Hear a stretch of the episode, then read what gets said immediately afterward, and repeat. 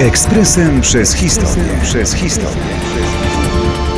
1 stycznia 1993 roku dopełnił się rozpad Czechosłowacji na dwa niezależne państwa.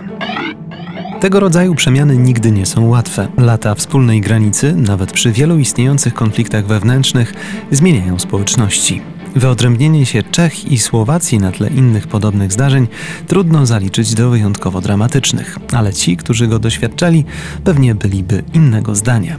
Fakt, że historycy często używają w tym kontekście sformułowania aksamitny rozwód, nie świadczy jeszcze o tym, że był on bezbolesny.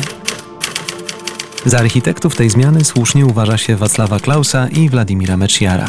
Obaj politycy, czeski i słowacki, mieli duże ambicje. Dzielenie się władzą nie było im w smak. Podział był więc w pewnym sensie także konsekwencją owych personalnych ambicji. Zresztą duża część opinii publicznej była przeciwna podziałowi, obawiając się negatywnych skutków przede wszystkim w dziedzinie gospodarki. Do pewnego momentu toczyła się nawet tak zwana wojna o myślnik, kiedy tuż po upadku komunizmu prezydent Havel zasugerował usunięcie przymiotnika socjalistyczna z nazwy kraju.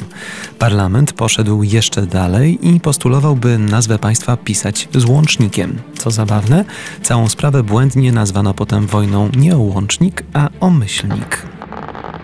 Co do samej nazwy aksamitny rozwód, była oczywiście nawiązaniem do aksamitnej rewolucji, która odbyła się w Czechosłowacji jeszcze w 1989 roku. 1 stycznia 1993 Czesi i Słowacy, zmęczeni po sylwestrowych zabawach, obudzili się już w dwóch odrębnych państwach. Ekspresem przez historię. Przez historię.